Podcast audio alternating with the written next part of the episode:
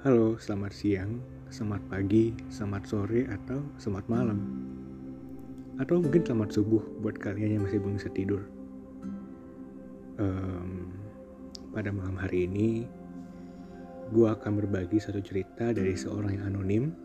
Seperti perjanjian podcast ini bahwa semua yang mengirimkan cerita akan dirahasiakan identitasnya. Latar belakangnya, atau siapa pun dia Gue di sini hanya sebagai penyambung lidah dari berbagai cerita yang masuk ke email gue atau email cara terbang ini. Kalau kalian punya cerita, more than welcome untuk kirim ke alamat email yang gue udah taruh di deskripsi. Di saat ini gue akan bercerita tentang satu cerita yang unik, cerita yang berkisah soal bagaimana uh, seseorang yang lagi terpuruk yang lagi menghadapi berbagai macam tantangan dalam hidup, mengingat bagian terindah pada hidupnya. Dan di saat dia berusaha mencari-cari kesenangan atau pelarian daripada hidupnya yang nggak enak itu, dia menemukan sesuatu yang sebenarnya sudah ada sejak lama dan menjadi salah satu pengingat bahwa dia lagi nggak sendiri dalam menghadapi tantangan terberatnya. Mudah-mudahan ini bisa jadi inspirasi buat kalian ya. Judulnya Sore Bersama Ibu. Hari menggelap dan menjadi kelabu. Kurang lebih itulah yang terjadi denganku beberapa hari ini. Nilai yang menurun, lingkungan yang tak bersahabat, orang-orang yang mengecewakan dan juga tuduhan yang bagiku yang menurutku tidaklah benar. Ya, bertampang kulit coklat kehitam-hitaman, rambut yang urak-urakan dengan tekstur gelombang dan berwarna coklat kemerahan. Dan latar belakang berasal dari Indonesia bagian timur yang melekat dengan banyak stereotip seperti anak nakal, tukang buat onar, dan beragam istilah konotasi negatif yang diberikan kepada orang-orang sepertiku. Semprotan dan rasa insecure yang kian mendatangi setiap detik aku berdiri. Jadi aku ini adalah orang yang bagi cerita ini ya, aku hanya mempersonifikasinya seperti sebagaimana dia menceritakan kepada saya. Semprotan itu atau rasa insecure itu kian mendatangi setiap detik Aku berdiri, jongkok, ataupun duduk manis di meja kursi ini. Terasa begitu kelam diriku setiap aku melangkah. Tersedia beribu alasan berbanding ratusan alasan buatku untuk tak berharap. Teh manis yang hangat ini terasa begitu sedap dan apa adanya menemaniku di maghrib ini. Pikirku, kurang pisang goreng atau singkong yang kerap dipanggil teman-teman di daerahku dengan nama kasbi rasa yang gurih dari kasbi dan juga kehangatan, dan rasa manis yang disumbangkan oleh pisang goreng membuatku rindu dengan suasana seperti ini. Hah, derita hidup anak rantau pikirku. Namun mulai kusadari, mereka hanyalah pengantar bagi rasa ingin pulang untuk bertemu ibu. Ku gapai dompetku dan kulihat isinya yang mulai menipis dan juga hari yang kian tidak baik. Aku melihat ke depan, bagaimana aku harus memulai hidup dan harus bangkit dari situasi yang menyesakan ini, yang bisa ku bilang krisis. Kata orang, kalau sedang berada dalam hari kelabu, pikirkanlah hari siang yang cerah. Tapi yang ku ingat adalah hari-hari melihat mama pulang dari kantor. Kadang sudah larut malam dan mungkin tidak bisa aku lihat lagi karena aku sudah ngantuk. Namun aku dapat mendengar derap langkah kakinya yang turun menutup pintu mobil. Di balik semua ekspektasi, diajak jalan-jalan atau dibelikan mainan atau dibeliin makanan atau es krim. Diriku yang membuat kecil menuntut sosoknya yang kerap membeli kecup selama tidur. Tetapi rinduku di masa kecil telah dikalahkan oleh rinduku yang dewasa saat ini yang hanya disadarkan oleh rentetan kemalangan dan kekecewaan. Aku dan pikiranku mencoba mencari bagian-bagian kebahagiaan yang pernah kumiliki dengan ibu sebagai penenang di dalam badai hidup yang kian menderu. Pikiranku menghantarkanku ke pikiran demi pikiran dan kenangan yang tidak henti, yang rencananya akan kuceritakan dalam cerita ini. Ada satu hari di mana aku yang kecil berbuat salah. Lupa kira-kira salahku apa ya waktu itu. Tapi ku ingat sensasi rasa bersalahnya yang begitu dalam dan menyita banyak emosi, membuatku yakin bahwa itu kesalahan yang cukup besar. Mungkin ya nakal biasa atau enggak berbohong. Namun pernah aku tanyakan seberapa maaf seberapa banyak maaf yang dimiliki oleh ibuku padaku. Dan dia tak berkata atau sering sekali berkata seperti ini dengan menunjuk kepada objek tertinggi yang berada di depan kami. Bangunan, pohon, atau seperti pohon Natal di film Jingle All the Way yang diperankan oleh Arnold Schwarzenegger. Atau apa pun yang menjadi pijak inspirasinya saat itu. Maaf untukku, kata ibu, baginya banyak sekali. Dan bisa ditumpuk, bisa lebih tinggi dari objek mana pun yang tertinggi Inspirasi dan menang terdalamnya ibu pakai sebagai sarana rekonsiliasi aku dan diriku yang lugu itu pada saat itu. Waktu pun berlalu dan diriku semakin bertambah besar, juga membuat ibu semakin menua dan berhenti dari pekerjaannya. Pergi ke sekolah selalu dihantarkan sampai kepada jenjang pendidikan tertentu dan jemput pun telah ditunggu oleh ibu. Hingga sekolah menengah pertama, ibu menjadi sosok yang menungguku sepulang sekolah. Terkadang aku jenuh dan lelah dengan perkataan guru-guru dan teman-teman yang menganggapku kurang berusaha untuk mandiri.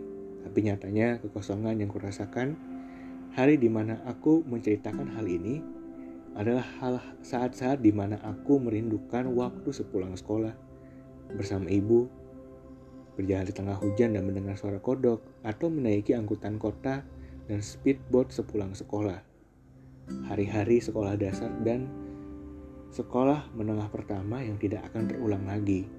Masa-masa di mana ibuku merangkap menjadi pelindungku dan kadang-kadang dianggap sebagai preman. oh iya, senja kian datang. Aku sedang duduk di rest area kilometer 35. Di saat kumandang azan berbuka puasa mulai terdengar. Aku duduk di sebuah minimarket yang kebetulan menyediakan teras depannya sebagai tempat duduk, meja, dan juga pemandangan menghadap ke arah jalan. Tempat terbaik untuk merenung, menurutku ya, dan menyudutkan semua pikiran ke dan di antara mobil-mobil yang berdempetan dan langit sore yang indah. Dan tidak pernah berbohong tentang rasanya terhadap bumi. Warna jingga yang berpadu biru membentuk harmoni yang indah dan menjadi pemandangan yang menenangkan bagi setiap orang yang terjebak dalam macet yang cukup panjang ini. Penenang rasa rindu bagi mereka yang dalam perjalanan menuju rumah, menuju keluarga, bersama keluarga atau bagiku yang merindu tiada tara dengan keluarga, ibu dan cerita hangatnya di dalam rumah yang kerap memanggilku pulang dalam batinku. Namun apa boleh buat, aku hanya di sini di antara persimpangan jalan tol dari rumah yang menuntutku untuk terbang tiga jam lamanya. Ini keseharian yang kurindu dari ibu.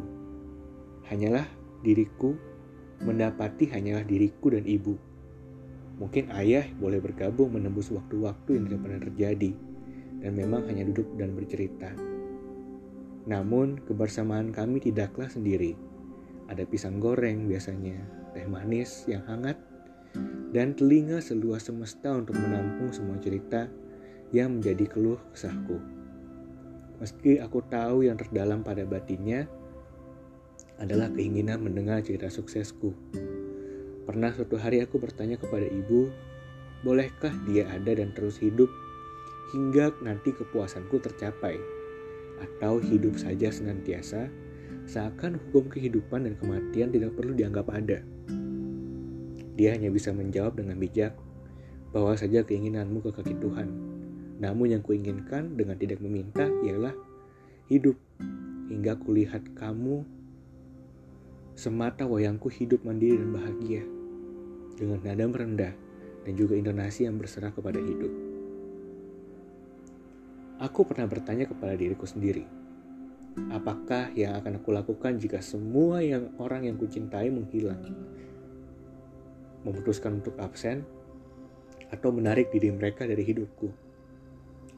Apa yang akan kulakukan tanpa ibu untuk kutelepon dan kukabari? Dari tempat ini, di kilometer 35 yang kian dipenuhi oleh keluarga-keluarga yang duduk dan berbuka puasa yang bersama di tengah bulan Ramadan, membuatku menjadi sirik. Aku di luar rumah dua jam lebih telat daripada malam di rumah ayah ibu terisak karena tuduhan dan kegagalan yang kian merenggut rasa-rasa bahagia. Kuputuskan menggunakan sekian persen dari baterai handphoneku yang aku miliki untuk mencoba mengontaknya, bertanya hal-hal dasar tentang kehidupan, mencari jawaban, dan menemukan alasan untuk bertahan hidup. Hanya ibu yang mengingatkanku, mencoba menguak kembali siapa diriku sebenarnya, dan menemukan gambarku di hadapan Sang Pencipta. Jika kamu bertanya kepadaku, kapanlah hari-hari terindah bersama ibu itu, atau kapankah momen-momen indah bersama ibu itu berada dalam hidupku?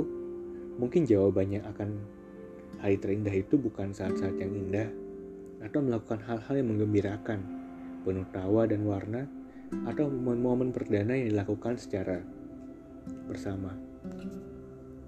Hari terindahku ditemukan di saat-saat jauh, terpuruk, gak punya duit, mungkin dipanggil miskin sama teman-teman. Dan mungkin dalam berbagai macam kesusahan, namun masih diberikan kesempatan dan anugerah daripada Sang Pencipta untuk menemukan sosok yang bernama Ibu. Panggilan yang tidak pernah tertolak dan kebutuhan batin yang akan selalu memanggil namanya. Hari ini ibu di rumah, di saat aku sedang berada menuntut ilmu di tanah rantau yang jauh sekali. Hari-hari di mana yang terindah pernah datang, namun yang terburuk sedanglah terjadi. Aku berkutat dengan semua keputusan yang kuambil yang menjadi rugi bagi diriku sebenarnya. Mungkin masa depan dan kehidupan akan bertambah jahat, dan yang ku perlu dan kunci melawan semua yang jahat ini adalah kesadaran bahwa ibu masih ada dan rangkulannya tersedia menunggu anak yang hilang untuk dia temukan dan peluk kembali. Itu aja cerita dari seorang yang anonim dan memang benar ya, terkadang hal-hal yang membuat kita terkadang um, susah untuk relate atau sedang berada dalam situasi-situasi tertentu yang menurut kita mungkin berat. Lagi jauh dari orang tua gue sendiri ngerasain. Atau mungkin para pendengar juga lagi ngerasain. Mungkin kalian udah kerja kalian yang lagi menuntut pendidikan. Mungkin kalian pernah merasakan saat terberat dalam hidup kalian di saat seluruh lingkungan kalian orang-orang yang kalian panggil teman atau orang-orang yang berbagi tempat tinggal mungkin dengan kalian. Berbagi kehidupan dengan kalian. Mungkin kalian merasa bahwa ya gue bisa mengandalkan mereka. Tapi seperti penulis cerita ini dia menyadari bahwa ada masa-masa tertentu di mana yang kamu perlukan adalah pelukan erat dari orang yang melihat kamu dari sejak kamu masih kecil, yang bersusah payah, atau yang mengorbankan banyak hal untuk kamu bisa ada di dunia ini, yaitu ibu atau orang tua, bisa juga ayah kamu. Nah, di sini gue ingin ngajak kalian semua untuk kembali lagi merefleksikan hidup. Sebenarnya siapa yang kalian paling butuh dalam hidup ini? Selain Tuhan, selain teman-teman. Tuhan pernah memberikan kalian wakilnya di dunia ini. Jadi jangan lupa. Dan benar kata orang bahwa surga memang di telapak kakinya. Surga adalah tempat yang di mana kamu butuhkan saat kamu sedang merasa dalam neraka, dalam kesusahan, dan tidak salah juga jika kamu melabel surga itu di bawah telapak kaki ibumu. So, kalau kalian punya ibu atau orang tua, treat them well karena kamu nggak akan tahu ke depan akan seperti apa. Tapi selain kekasih kalian, teman-teman kalian, hanya ada dua tempat di mana kalian bisa kembali pulang, yaitu kepada Tuhan atau kepada orang tua untuk kalian berserah. So, selamat siang, petang, pagi, subuh, ataupun malam. Selamat beristirahat jika kalian nggak bisa beristirahat dan gue harap cerita ini bisa jadi sedikit teman kalian tidur untuk malam ini. So, good night. Take care dan jangan lupa cuci tangan dan pakai masker kalau kalian sedang beraktivitas. See you dan sampai jumpa di konten gua selanjutnya. Ayo, ramaikan sepi, temani malam, dan temani hari-hari terburukmu. See you di cara terbang selanjutnya.